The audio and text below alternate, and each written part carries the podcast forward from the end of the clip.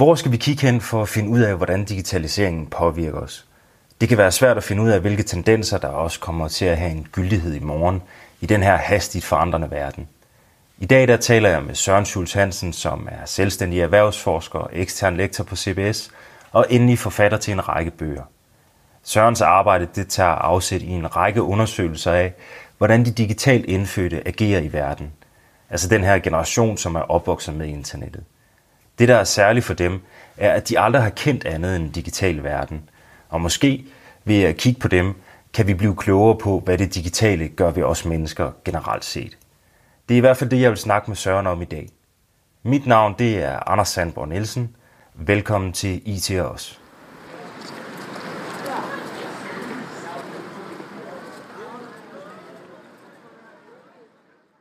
Søren har været omkring mange spændende emner i sit arbejde, og jeg springer derfor direkte ud i et af de store spørgsmål, og spørger ham, hvad han øh, på baggrund af sine undersøgelser har kunne observere, at digitaliseringen gør ved os mennesker. Hvis vi skal, hvis vi skal prøve at tage det sådan helt grundlæggende, så, så noget af det, jeg introducerer, og som jeg stadigvæk holder fast i, og som jeg stadigvæk fortæller om, det er jo, at det, der sker med digitalisering og med den her generation af digitale indfødte, er det, jeg kalder øh, en, en, en at, at der er sket en...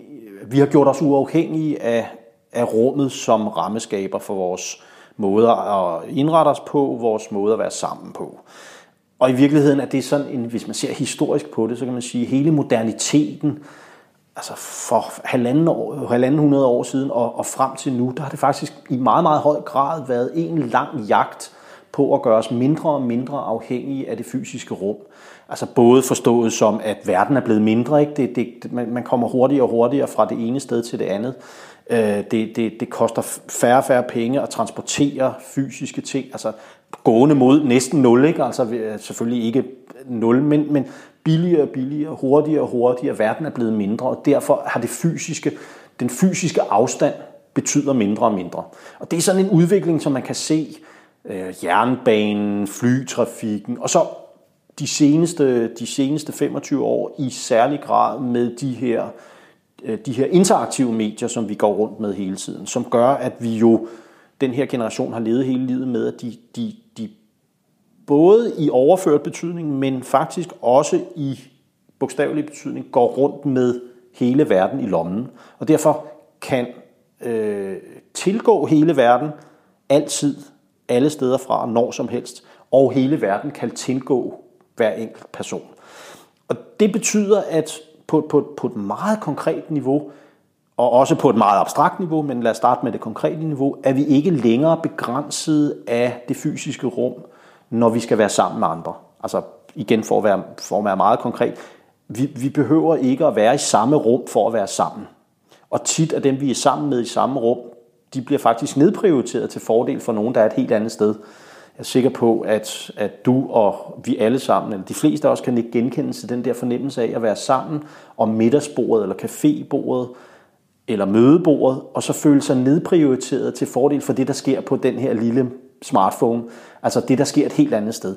Og det er simpelthen fordi, rummet ikke længere er rammeskaber for, for det er ikke rummet, der, der, der, der definerer nærhed det er det, jeg kalder, det, det, det er faktisk tiden, der definerer nærværet. Altså det her med, at vi, fordi vi har gjort os uafhængige af rum, så er vi blevet tilsvarende afhængige af tiden, af tilgængeligheden, den konstante tilgængelighed, af det, at vi skal reagere hurtigt på tingene.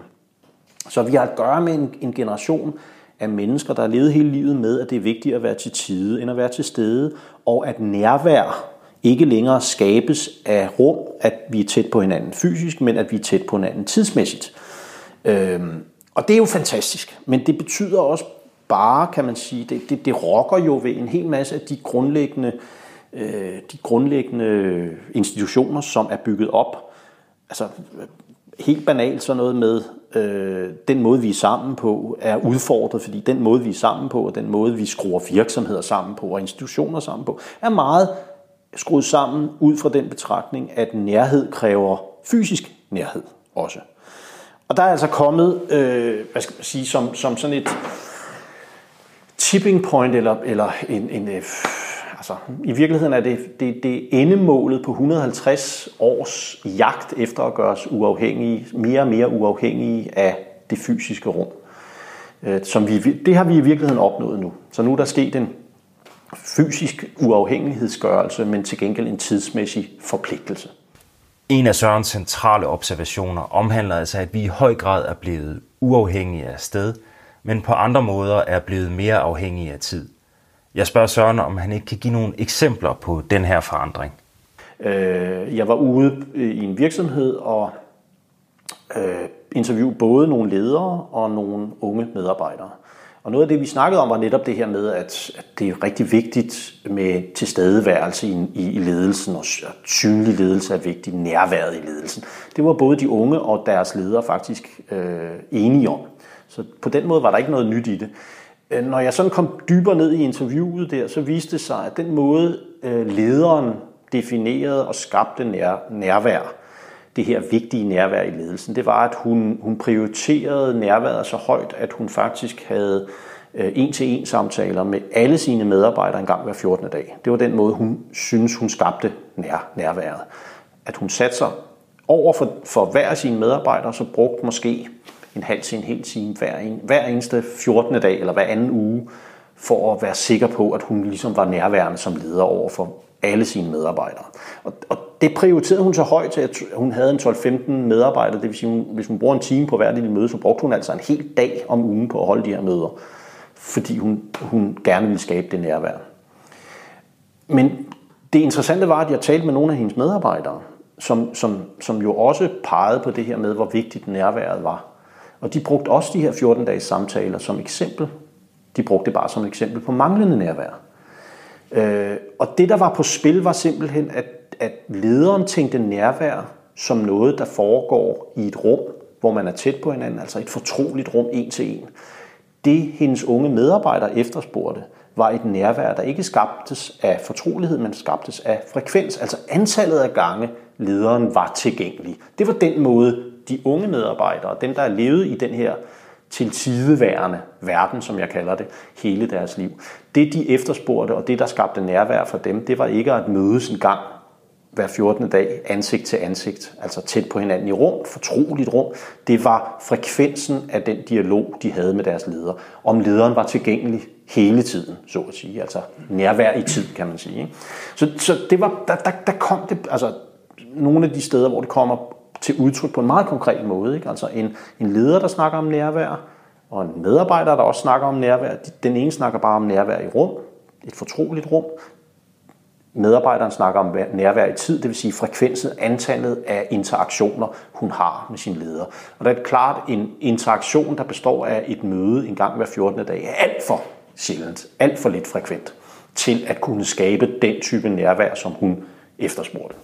I det eksempel, som Søren fortæller om, er der stor forskel på, hvordan digitaliseringen påvirker de forskellige generationer. De digitalt indfødte vokser op med nogle andre oplevelser af, hvad det vil sige at være nærværende. Og det kan altså konflikte med den opfattelse, som vi, der er vokset op i en analog verden, har. Digitalisering er imidlertid ikke udelukkende et kendetegn for unge mennesker. Det er altså også et generelt vilkår for alle, uanset alder. Og jeg spørger derfor Søren, om han kan fortælle, hvordan de her dynamikker, hvor tid og rums betydning ændrer sig, påvirker os mere generelt. Så kan jeg øh, give et, et, et, et eksempel fra, fra de seneste studier, som er rigtig, rigtig interessant. Og, det handler om, at i og med, at vi har gjort os uafhængige af rum, som praktisk størrelse, i virkeligheden har vi jo allerede redskaberne til, at vi ikke behøver at mødes længere. Altså som praktisk foranstaltning er det virkelig besværligt at mødes. Det er der ingen grund til. Så som praktisk foranstaltning har rummet ikke, altså det praktiske rum har ingen betydning længere. Der er det kun besværligt.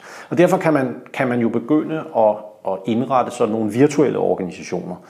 Et, en af casene i, i den seneste bog øh, handler netop om sådan en virtuel organisation, en, en lille startup øh, virksomhed inden for Medico, som alt i alt har jeg tror kun det er seks ansatte, sådan fastansatte, øh, hvoraf tre sidder i København, øh, en i Stockholm, to i London eller et eller andet. Så selv i den der meget, meget lille organisation er kun seks fastansatte, er der allerede en stor diversitet i rum, fordi de behøver ikke at være samme sted. Det er i virkeligheden mere upraktisk, at de er samme sted. Udover det har de så den her virtuelle organisation, hvor de har en hel masse øh, løstansatte og projektansættelser og samarbejder med eksterne øh, samarbejdspartnere osv., osv., osv., som er alle mulige andre steder. I Kina, i USA, i, også i England, i Sverige, alle, alle mulige steder. Og sådan en organisation, den måde at, at, at skrue en virksomhed sammen, skrue en organisation sammen, kan praktisk kun lade sig gøre, fordi vi den her organisation, Galecto Biotech, som den hedder, den har fået nogle redskaber, nogle teknologiske redskaber, der gør, at de, det er lige så let, eller meget lettere, at holde kontakten med lige øh, på tværs af rum. Så som praktisk foranstaltning har rummet ingen betydning. Det, det er faktisk kun upraktisk, kan man næsten sige, ubesværligt. Det han peger på, direktøren her, er, at, at netop fordi rummet ikke længere har nogen praktisk betydning, vi har, vi har frigjort os fra rummet som praktisk betydning, så får det til gengæld en symbolsk betydning. Han, han, han peger simpelthen på, at ja, det kan godt være, at ud fra praktisk, så, øh, praktiske foranstaltninger, så behøver vi ikke mødes. Men det har rent faktisk en betydning, at de mødes med, at han selv drager rundt og mødes ansigt til ansigt med nogle af sine samarbejdspartnere, og at, at, at virksomheden og nogle af deres samarbejdspartnere mødes en gang hvert halve år. For han kan simpelthen mærke, at hvis, hvis, hvis de ikke mødes, så går motivationen ned. Ikke af praktiske grunde, fordi der er ingen grund til at mødes af praktiske grunde, men af symbolske årsager. Så, så, så det er et eksempel, som i virkeligheden er en forlængelse af det her med til tideværelse, altså den her, at vi, vi, vi, vi uafhængigt gør os af rummet som praktisk foranstaltning, men det betyder ikke, at rummet ikke får en symbolsk betydning, nemlig at motivationen går simpelthen ned, hvis vi ikke mødes ansigt til ansigt. Så det har fået en anden betydning. Det kan godt være, at det at mødes i den fysiske verden har fået en anden betydning. Men nu har vi jo øvet os i at være sammen i den her fysiske verden gennem tusindvis af år. Den digitale verden har kun cirka 25 år på banen. Og jeg bliver derfor nysgerrig på at høre Søren om, hvordan man, og måske særligt de digitalt indfødte, kan navigere i sådan en ny verden, når vi ikke kan læne os op af tidligere generationers erfaringer. Det er del også svært, altså fordi der kommer, altså bare for at tage det eksempel med, med lederen, der troede, hun skabte nærvær ved at mødes med de her folk en gang hver 14. dag, til nogle øh, personer, der faktisk opfattede det som det modsatte af nærvær, altså sådan lidt distancerende i virkeligheden. Er det klart, at, at skridt et er at forstå det. Altså både forstå, at der rent faktisk er sket noget med vores samvær, som, som både i positiv og i negativ forstand udfordrer den måde, vi tidligere har været sammen på. Og når det er i positiv forstand, så er det jo fordi, det er jo fantastisk. Det er jo fantastisk, at vi lige pludselig ikke behøver at være begrænset af noget så konkret som rummet for at være sammen det er jo fantastisk. Det giver nogle fantastiske muligheder for at skrue relationer sammen på tværs af rum, på tværs af verden, på tværs af... Og det, det giver nogle fantastiske muligheder for at samarbejde på tværs af alt muligt, og nogle fantastiske muligheder for, som i Galecto Biotechs tilfælde, at skabe nogle meget mere løs knyttede virtuelle virksomheder, som ikke længere behøver et stort... De sad i sådan en, øh, et lille små, små bitte lokaler øh, på, på øh, Østerbro, tror jeg det var, det kan jeg ikke lige huske, hvor det var. Øh, tre personer eller to personer, ikke? Altså, og, og, og havde en, en millionvirksomhed, eller, som, som udviklede nogle ting. Det, det er jo fantastisk, at man lige pludselig kan det. Så der er nogle positive ting i det. Der er nogle negative ting, som, som blandt andet handler om, at det du siger med det biologiske, at på en eller anden måde, uden at jeg ved det, men kunne man godt forestille sig, at mennesket netop var gearet på en eller anden måde til det fysiske nærvær. Og at det har en betydning, at vi har det. Øh, igen, praktisk er det lige før, det ikke længere har en betydning. Ikke? Vi kan mødes på nettet, vi kan nærmest formere os på nettet, så vi behøver egentlig ikke at være tæt på hinanden længere, sådan er praktiske årsager. Men der er ingen tvivl om, at vi sådan biologisk, psykologisk, mentalt har behov for at være sammen. Så, så, så hvis man tror på det, og det, det, det, det er der en vis sandsynlighed for at rigtigt, så er det jo problematisk, hvis vi ikke kan det længere. Og så er der den anden ting, og det er det der med, at, at vi netop har forskellige opfattelser af det, ikke? At, at en, en, altså helt konkret, en, en ung generation synes, det er uhøfligt ikke at svare på en, et eller andet, der sker på, på, for, for, med det samme. Og står over for en ældre generation, der synes, det er uhøfligt. Altså helt, altså den ene synes, det er uhøfligt at tjekke sin mobiltelefon, når man står og snakker ansigt til ansigt. Den anden synes, det er uhøfligt ikke at gøre det. Og derfor er, er der nogle konfrontationer, hvor vi har svært ved at forstå hinanden. Ikke? Hvor en gammel generation, eller det er bare altså, en generation, der er ældre end dem her, som, som ikke er, har levet hele livet med det digitale, himler op om manglende nærvær, manglende sociale kompetencer osv. osv. Og en anden generation, som med lige så stor ret kan sige, jamen I forstår jo ikke, og, og vi bliver faktisk lidt ked af det, vi, I, I respekterer simpelthen ikke vores nye måde at være sammen på. I siger bare, at den er dårligere, det er den ikke. Øh, og, og at, så de, de, de to øh, hvad skal man sige, generationer er nødt til at forstå hinanden som første. Og så er vi nødt til at hjælpe hinanden. Altså, øh, jeg, jeg synes både den ældre generation, altså man kunne bare sætte det op som forældre øh, i forhold til deres børn, har selvfølgelig et, et ansvar for at sætte nogle grænser for den her konstante tilgængelighed, som har en, en negativ side i form af, at når vi er fuldstændig uafhængige af rum, så betyder det jo også, at vi er sammen med andre hele tiden. Der er ikke længere nogen private rum, vi kan gå ind i og være alene, det vil sige, at vi er aldrig alene. Og ud fra sådan en mental og psykologisk identitetsudvikling, er det jo problematisk. Det er problematisk, hvis vi aldrig er alene, og vi aldrig kan slappe af, fordi vi altid er sammen med andre. Altså, det, det, det, det, det, skal der, det, det er vi nødt til at sætte nogle grænser. Og det, det er der nogen, der er nødt til at hjælpe en generation, der aldrig har prøvet andet end at være til tideværende hele tiden. Og omvendt er den ældre generation også nødt til at forstå, at det ikke bare er et spørgsmål om uhøflighed, eller bare et spørgsmål om, at man kan, Nå, men du kan bare lade være.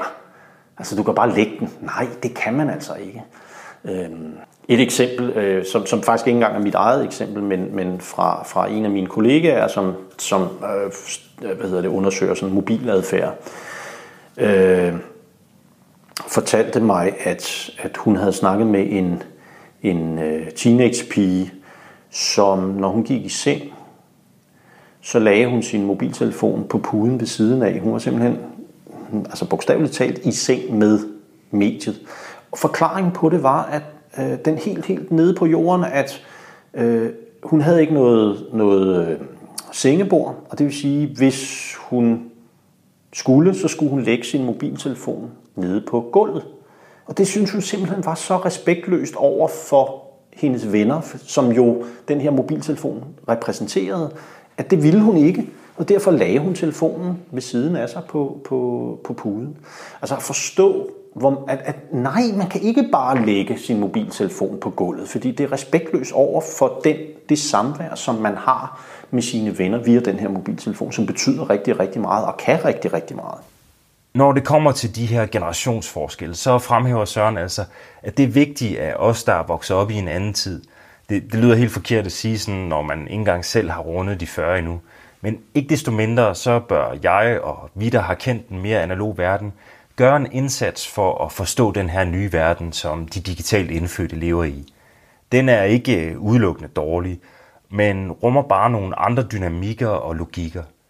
Jeg er stadig særlig interesseret i, hvordan de her dynamikker udspiller sig i en arbejdsmæssig sammenhæng. Og jeg spørger derfor Søren, hvad man som leder skal gøre for at håndtere de her forandringer og den her nye generation. Det er, det, det er selvfølgelig ikke let. Altså, Altså, jeg har, jeg har jo nogle konkrete redskaber. Jeg snakker om, altså paraplybegrebet er stadigvæk det her til tideværelse. Der, der siger jeg, at det du skal gøre, det er, at du skal tænke på, at du skal være, du skal dyrke til tideværende ledelse. Og noget af det, jeg siger, det er, igen for at tage det helt konkrete eksempel, den måde, du skaber nærvær på, i hvert fald hvis du gør det sådan, som de gerne vil have. Det er ikke altid, man skal det. Man skal i hvert fald være opmærksom på, hvornår man stryger hunden med eller mod hårene. Ikke? Men hvis du vil stryge den med hårene, så, så, så det kan godt være, at du, du stadigvæk kan bruge en time på at give feedback til den her person. Men lad være med at bruge en gang en time, en gang 60 minutter på det. I løbet af en uge, hvis du bruger en time på det, så brug stadigvæk en time på det, men du skal så bare bruge 40 gange halvanden minut. Så i virkeligheden skal du ikke bruge mere tid på det, du skal bare bruge meget mere opsplittet. Så, så, og, og nogle gange så anbefaler jeg faktisk, at man gør det, altså hvis, hvis man synes, det er mærkeligt osv., hvis man ikke har den der, øh, og det har man ikke, det har jeg heller ikke, i gåsøjne naturlige tilgang til det, så lav et, et Excel-ark. Hvor mange gange har jeg været henne og kigge og spørge til det i løbet af den her uge, og for at se, hvor, hvad, hvor til tidværende er du ellers? Hvor, hvor nærværende i tid er du faktisk som leder? Brug, øh, gør dig selv en tjeneste og flytte noget af dialogen over i nogle medier, som er hurtige, hvor du ikke behøver at bruge ret meget mere tid end bare lige like, eller bare lige skrive en hurtig kommentar. Fedt. Mere behøver det ikke. Fordi det er bare hurtigere end at gøre det fysisk. Altså trods alt tager det lidt længere tid at gå hen og klappe dem på skulderen osv. osv. Ikke? Hvis du kan gøre det på en anden måde, altså inddrage nogle, nogle medier, som kan det her, altså de medier, de er vokset op med, brug dem i højere grad i din ledelse. Vær opmærksom på, det er også en anden ting, at, at den her generation er øh, vokset op med, at de er vant til at få via de sociale medier jo feedback hele tiden af alle om alt. Og det vil sige, hvis man som jeg for eksempel, og som nogle af de ledere, jeg har talt med, har den der opfattelse, at nej, du skal da kun give ros, når det er fortjent, eller du skal kun give feedback, når det er nødvendigt, når det er på sin plads. Så risikerer man altså at sende et meget, meget kraftigt negativt signal til sine unge medarbejdere, at, at her er det altså øh, feedbackfri zone, for de er vant til at få det hele tiden. Jeg introducerer også et begreb, øh, som jeg kalder GPS-navigation og GPS-ledelse, som, som i virkeligheden både er en, en metafor for den, en måde at tænke på, men, men også kan bruges som et, et, et konkret redskab, som handler om, at altså når man styrer efter en, en GPS, hvad er, det så, man, hvad er det så, man kigger på? Hvad er det så, man i virkeligheden har fokus på? Det er jo ikke, hvor man skal ende. Det er man i virkeligheden ligeglad med. Man er ligeglad med, at man kører nordpå, eller sydpå, eller østpå, eller vestpå, når man navigerer efter en GPS. Man har fokus på, det vigtigste, man har fokus på, det er, hvor skal jeg dreje næste gang? Nu er der 300 meter, nu er der 200 meter, nu er 100 meter, nu skal jeg dreje, og jeg skal jo dreje til højre. Det er det, man har fokus på. Det er en meget god både metafor for, hvordan man skal tænke strategi og motivation af den her generation, at det kan ikke nytte noget, man, man er meget målstyret i en verden, der går så hurtigt. Øh, man er nødt til at være det, jeg kalder startstyret eller GPS-styret, simpelthen hele tiden har fokus på, hvor jeg skal dreje næste gang. Og, og du kender det jo lidt, og folk, der er, er jeg sikker på, øh, folk, der, der kender noget til, til projekt- og procesudvikling inden for teknologiudvikling. Altså sådan noget Scrum, altså den her type, hvor det ikke er vandfaldsmodellen, men netop sådan en meget mere iterativ model. Og det er i virkeligheden lidt inspireret af det også, ikke? At, at, at i stedet for at have fokus på, hvor vi skal ende, har vi hele tiden fokus på, hvor vi skal begynde, og hvor vi skal dreje næste gang. Og det kan man faktisk se, også ude i den konkrete verden, i nogle af de cases, jeg har. Altså, øh, for nu at bringe et, et, et eksempel ind, som vi ikke har snakket om, nemlig øh, McDonald's, som også er en af case-historierne, som stort set kun har digitale indfødte medarbejdere. Og noget af det, de gør, det er, at, at ja, de har et mål i, i deres karriereudvikling af, af deres medarbejdere. De styrer bare ikke efter det. Altså, de sætter et mål, og de laver en plan, og så ændrer de planen hele tiden. Fordi de hele tiden har fokus på, hvad er det næste skridt, hvad er den næste sten.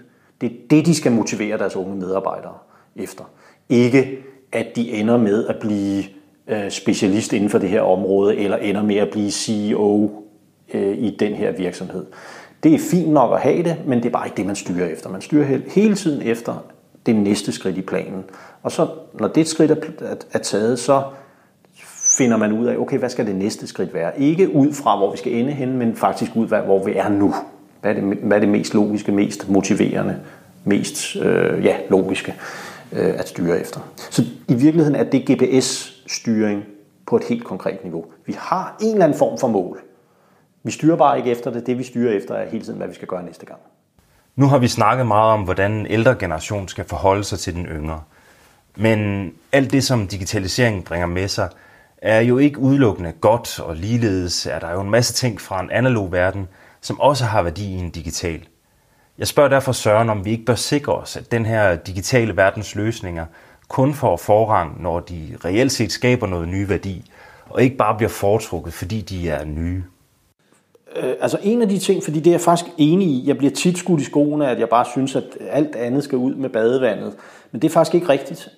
Det, det man skal, skal forstå er, at de, man skal bare forstå, at de værdier, der er i den i gåseøjne gamle måde at forstå tingene på, at de er udfordret.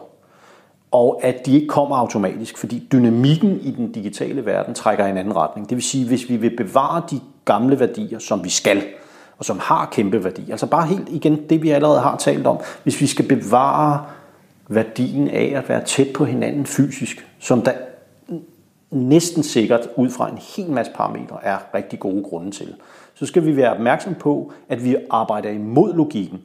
Vi gør noget, der er upraktisk. Vi gør det ikke af logiske, rationelle, praktiske grunde. Fordi af logiske, rationelle, praktiske grunde, så er det meget bedre ikke at gøre det. Fordi det er meget mere upraktisk, og det tager meget mere tid, og det kræver mange flere ressourcer osv. Meget hurtigere at mødes, ikke fysisk, altså bare gøre det over øh, sms eller Skype, eller hvad det nu er, end at mødes fysisk. Så derfor, hvis vi vil bevare det møde, så skal vi være opmærksom på, at vi arbejder imod logikken.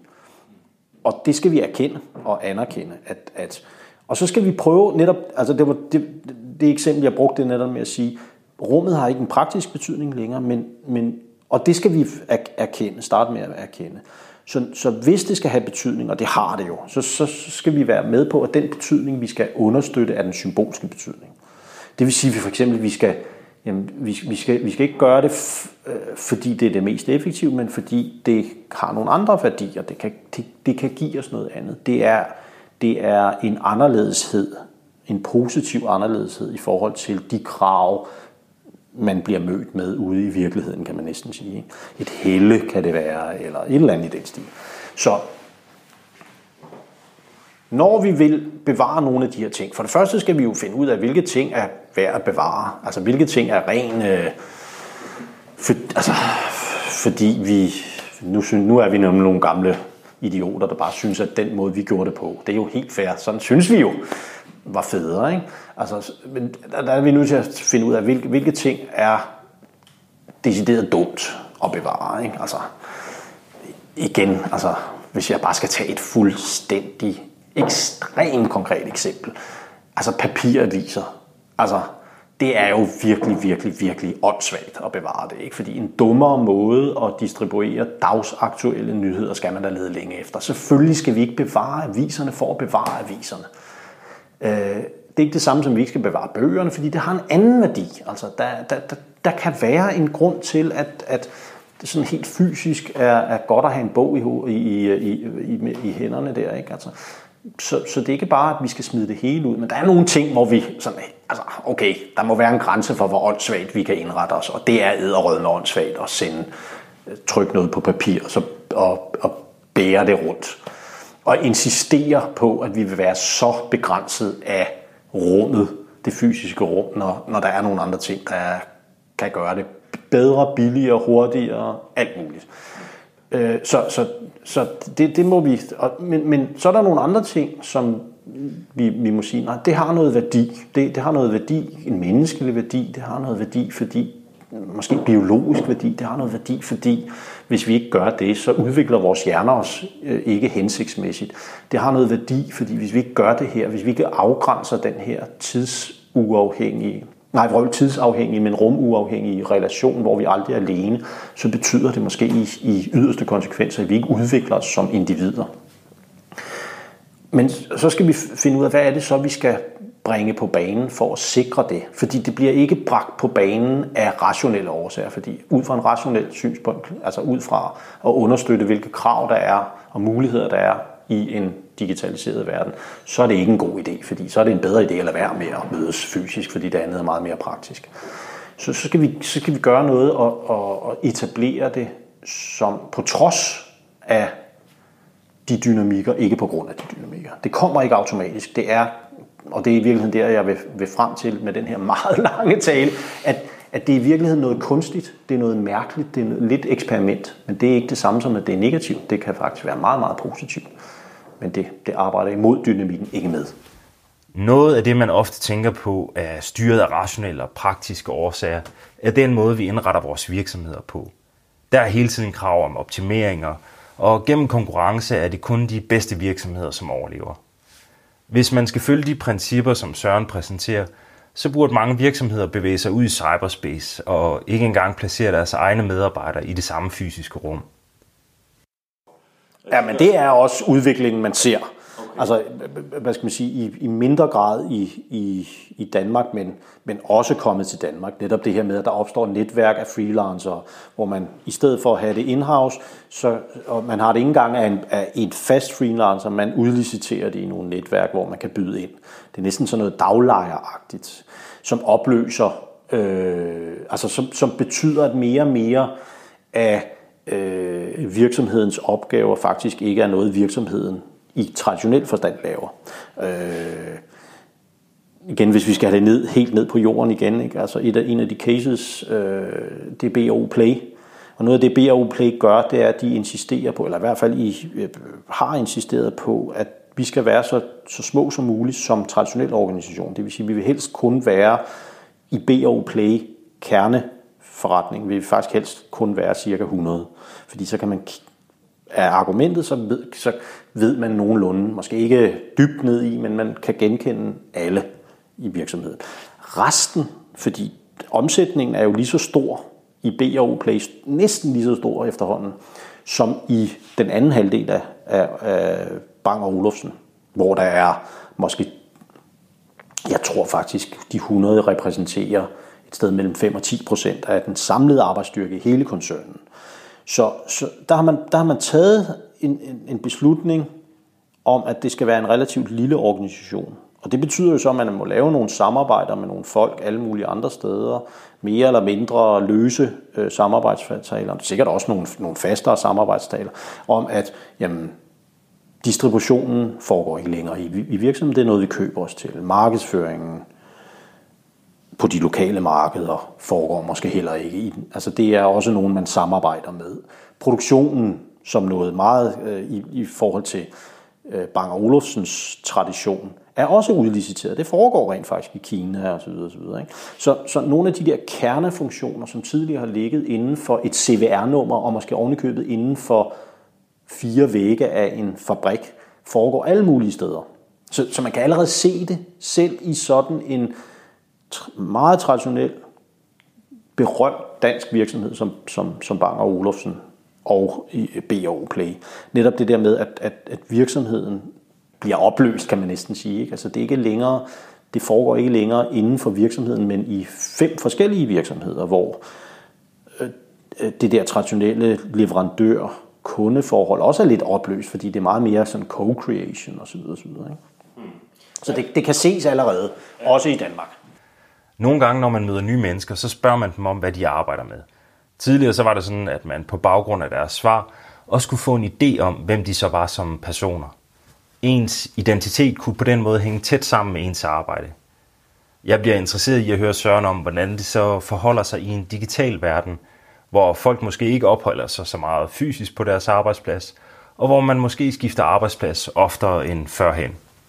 Det er en, en helt central pointe, som, som bindes i halen på noget af det, vi har snakket om netop det der med, at ja, identiteten er jo, ikke, er jo flydende, altså også på det her område.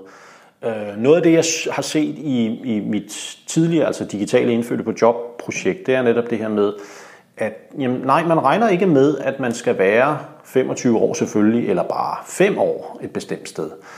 Øh, men det er ikke det samme som, at man ikke forventer, at man henter noget identitet fra den virksomhed, man, man har, men, øh, man, man er ansat i. Øh, det, jeg, jeg tror, jeg kalder det, at man, man er gået fra, fra altså, altså, det er stadig monogami arbejdsmæssigt, men det er bare serielt monogami. Det vil sige, at man, man kommer ind i en virksomhed og, og, og har nogle redskaber og nogle opfattelser af det, som gør, at man meget hurtigt øh, går dybt ind under huden i den virksomhed. Men så forsvinder man bare igen. Ikke? Altså, hvor man tidligere kunne sige, at når man, hvis man skulle så langt ind under huden på en virksomhed, så skulle man være der i lang tid. Og der, der, der, der er der bare en, en, et, et, en forventning, måske også en evne til at hurtigt at komme ind under huden, fordi hvis, man, hvis, det går, hvis der går så lang tid, inden man, man netop kan hente identifikation med virksomheden, så, så det kræver, at man er der i 25 år. Det nytter jo ikke længere, fordi så får, kommer man aldrig ind under huden. Hvis man ikke kommer ind under huden hurtigt, så kommer man aldrig ind under huden. Så, så på den ene side er der, en, er der ingen tvivl om, at der er, at der også på det her punkt er jo en, en udfordring, måske ovenikøbet en trussel mod vores identitet, fordi den, den bliver løsere, den bliver i hvert fald mere ustabil, fordi vi simpelthen skifter oftere øh, arbejdsidentitet. Vi er i hvert fald flere forskellige steder øh, i kortere tid, og måske er vi ikke engang nogen steder. Så, så, så det, det, det er ikke givet på forhånd heller på, på arbejdsmarkedet. Og, og det kan man sige, det er jo også en udfordring mod det der med, at, at vores identitet som mennesker, som tidligere, bare for 25 år, år siden, i den grad er bundet op på vores arbejdsliv. Det er den ene, det er den ene retning, at, at der sker sådan en, en opløsning. Der er jo så også den anden retning, at, at der sker en opløsning af grænserne mellem privatlivet og det offentlige, øh, vrøvle, øh, det, det professionelle liv. Ikke? Sådan så vi, hvor vi tidligere havde vi måske også to forskellige identiteter, ikke? altså en, en, en privat person, som vi var derhjemme, og så en, vi var på arbejde. Og sådan er det jo ikke længere. Nu, nu de to identiteter bliver jo smelter mere og mere sammen. Og det kan man sige, det er jo i virkeligheden lidt den modsatte bevægelse, hvor vi bliver et, et helt menneske, kan man næsten sige, som er fuldstændig smeltet sammen med vores arbejde. Næsten bogstaveligt talt, ikke? fordi vi går rundt med vores arbejde i lommen, fordi vi, og at, at, at, vi er altid tilgængelige for arbejde. Vi er i virkeligheden altid på arbejde øh, fordi vi har, den, har faktisk vores chef og vores opgaver og alt muligt i lommen. Så der, der sker altså faktisk en sammensmeltning, øh, hvor, hvor vores identitet bliver endnu mere påvirket af, af arbejdet. Og så er der den modsatte bevægelse netop det her med, at vi skifter. Det er i virkeligheden endnu et, et, altså en paradoks, ikke, hvor der trækker i begge retninger. Men der er ingen tvivl om, at det er en udfordring mod den gammeldags måde, og gammeldags er kun de der 25 år gamle, ikke? at tale om den der en-til-en identifikation mellem, hvem vi er og hvad vi laver. Det er altså ikke helt nemt at sætte fingeren på en bestemt retning som styrende for, hvordan digitaliseringen påvirker vores arbejdsliv. Der er flere modsatrettede tendenser, eller paradoxer, som er et begreb, som ofte går igen, når Søren skal beskrive den digitale verden. Den her uklarhed skaber også en udfordring, hvis man har ambitioner om at planlægge sit professionelle virke langt ud i fremtiden – ikke kun fordi virksomheder og vores egen tilgang til det at arbejde forandrer sig, men også fordi det bliver svært at forudsige, hvilke kompetencer man får brug for på sigt. Søren han har gennem sit arbejde talt med en række virksomheder om, hvad det er, de kigger efter, når de hyrer medarbejdere. Og jeg spørger ham, øh, hvad det er for nogle kompetencer, som de her virksomheder fokuserer på, når de skal finde nogen, som kan agere i en digital verden. Det jeg i hvert fald kan sige, for prøver at holde igen på så konkret niveau, og det er stadigvæk ikke så konkret, men det jeg i hvert fald kan se i de 12 case-historier, det er jo, at jeg kan se en efterspørgsel fra de virksomheder, der deltager efter nogle bestemte typer kompetencer. Og, og, og vi definerer øh, tre, tre typer af kompetencer, som vi kan se de her virksomheder øh, efterspørger i, i case, de konkrete case-historier. Det første kategori, det er det, vi kalder relationelle kompetencer, en evne til at arbejde sammen. Det, øh, altså i virkeligheden er det vigtigere at vide, hvem man skal tage fat i og kunne arbejde sammen med den her person, øh, fordi man ved aldrig tingene selv. Tingene er blevet så komplicerede, så man ikke kan finde ud af det alene, og derfor er det faktisk vigtigt at kunne arbejde sammen. Øh, Danske Bank er et eksempel. Altså, der er masser af eksempler øh, i, i, i, i de her case-historier. Danske Bank Mobile Pay Øh, var i en situation, hvor de trådte ud af et samarbejde med hele sektor, altså banksektoren, og så lavede de deres egen løsning på mobilbetalinger, MobilePay. Da de gjorde det, og, og den chefen, Mark Rå Hansen, han blev ret tidligt ansat i den her organisation. Og han havde den udfordring, at de faktisk ikke vidste, hvad de skulle lave. Fordi de havde egentlig bare besluttet, at vi skal, det går for langsomt med det her sektorsamarbejde. Vi er nødt til at lave vores egen hvad er det vi egentlig vi skal lave? Vi skal lave nogle mobilbetalinger, men hvad det egentlig er, det ved vi faktisk ikke. Og derfor var han faktisk i, en udf- i, i den situation, at han ved ikke, hvad han skal lave. Derfor ved han heller ikke, hvad det er for et, lad os bare være konkret, kodesprog, der skal, det skal laves i, hvilken teknologi vi skal bruge, så at sige. Når vi ikke ved, hvad vi skal lave, og vi heller ikke derfor ved, hvad det er for en teknologi, så kan vi ikke ansætte nogle folk, der har kompetencer i den her teknologi, som vi i øvrigt kender, fordi vi ikke ved, hvad vi skal lave.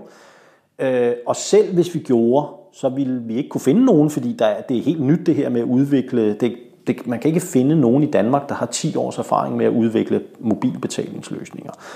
Og den helt rationelle konsekvens af det var, at de simpelthen ikke kunne ansætte folk efter deres faglige kompetencer, for de anede ikke, hvilke faglige kompetencer de havde behov for. Og derfor ansatte de i hvert fald i første omgang i den periode, hvor det virkelig gik hurtigt, der ansatte de faktisk først og fremmest folk efter deres relationelle kompetencer, efter deres evne til at få gennemslagskraft, deres position i resten af organisationen. Kan vi få tingene igennem? Kender man nogle folk? Er man ambassadører med andre osv. osv. i, i organisationen? Snarere end de ansatte. Altså selvfølgelig vidste de godt, at der var nogle grundlæggende kompetencer, de skulle have, ikke? Men, men snarere end de ansatte efter folks meget, meget specialiserede kompetencer. Øh, så det, det, det er den første, det er den relationelle kategori af kompetencer.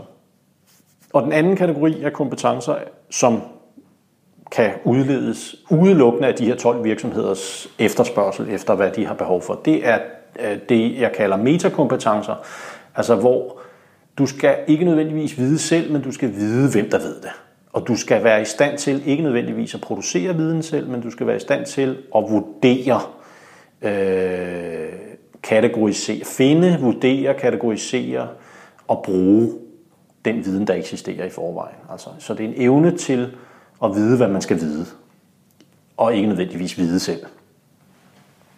Nogle taler også om sådan noget T-kompetencer sådan, øh, inden for, for den gren der, ikke? Altså, øh, at, at man har en ret bred, det er overstregen i T'et, men så har man et område, man ved rigtig meget om. Det er ikke nødvendigvis, at man skal bruge det, man ved rigtig meget om, men fordi man ved rigtig meget om et bestemt område, så er man god til at vurdere, øh, hvad der er værd at vide på andre områder, siger, siger den her T-kompetenceopfattelsen. Så det, det, er den, det er den anden, altså der, der er relationelle kompetencer, der er metakompetencer, og så den tredje er helt nede på jorden digitale kompetencer. Altså at vi i 2017 er vi nødt til at erkende, at man simpelthen bliver en dårligere læge, hvis man ikke er i stand til at bruge digitale redskaber. Og hvis man ikke er i stand til at, hvis jeg skal brede det en lille smule ud, hvis man ikke er i stand til at, at indse, hvad en forandringslabil digital verden betyder for måden at planlægge tingene på, så bliver man simpelthen en dårligere leder også. Hvis man ikke er i stand til, hvis man ikke kender til, øh, at ens unge medarbejdere selvfølgelig har lavet en gruppe på Snap eller på Facebook, så de allerede har noget dialog. Hvis man er fuldstændig uvidende om det, bliver man simpelthen en dårligere leder, fordi man, der er en masse kommunikation, en masse relation, man ikke kender til, som man bare ligesom har ansvarsforflygtet, for, flyg, ansvarsflygtet fra. Så, så det er den tredje kategori, altså kendskab til både på et konkret niveau, at, at, at acceptere, at jeg selvfølgelig skal bruge nogle digitale redskaber i mit, mit arbejde, og det gælder næsten alle typer arbejde, både produktionsarbejde, læger, øh, lærere, øh, rådgiver, alt. Øh, altså, bliver man simpelthen en, en dårligere medarbejder eller en dårligere leder af ikke at kende det. Så det er de tre kompetencer, vi sådan har set i de her case-historier. Det har været en fornøjelse at tale med Søren, og jeg synes, at hans tilgang afdækker en masse interessante vinkler på, hvordan det digitale påvirker os mennesker. Vil du gerne vide mere om Sørens arbejde, så kan du besøge ham på hjemmesiden årgang2012.dk. Og det er altså årgang med to A'er. Jeg håber, at du synes, det har været interessant at lytte med her på IT også. Tak for nu, og på genhør.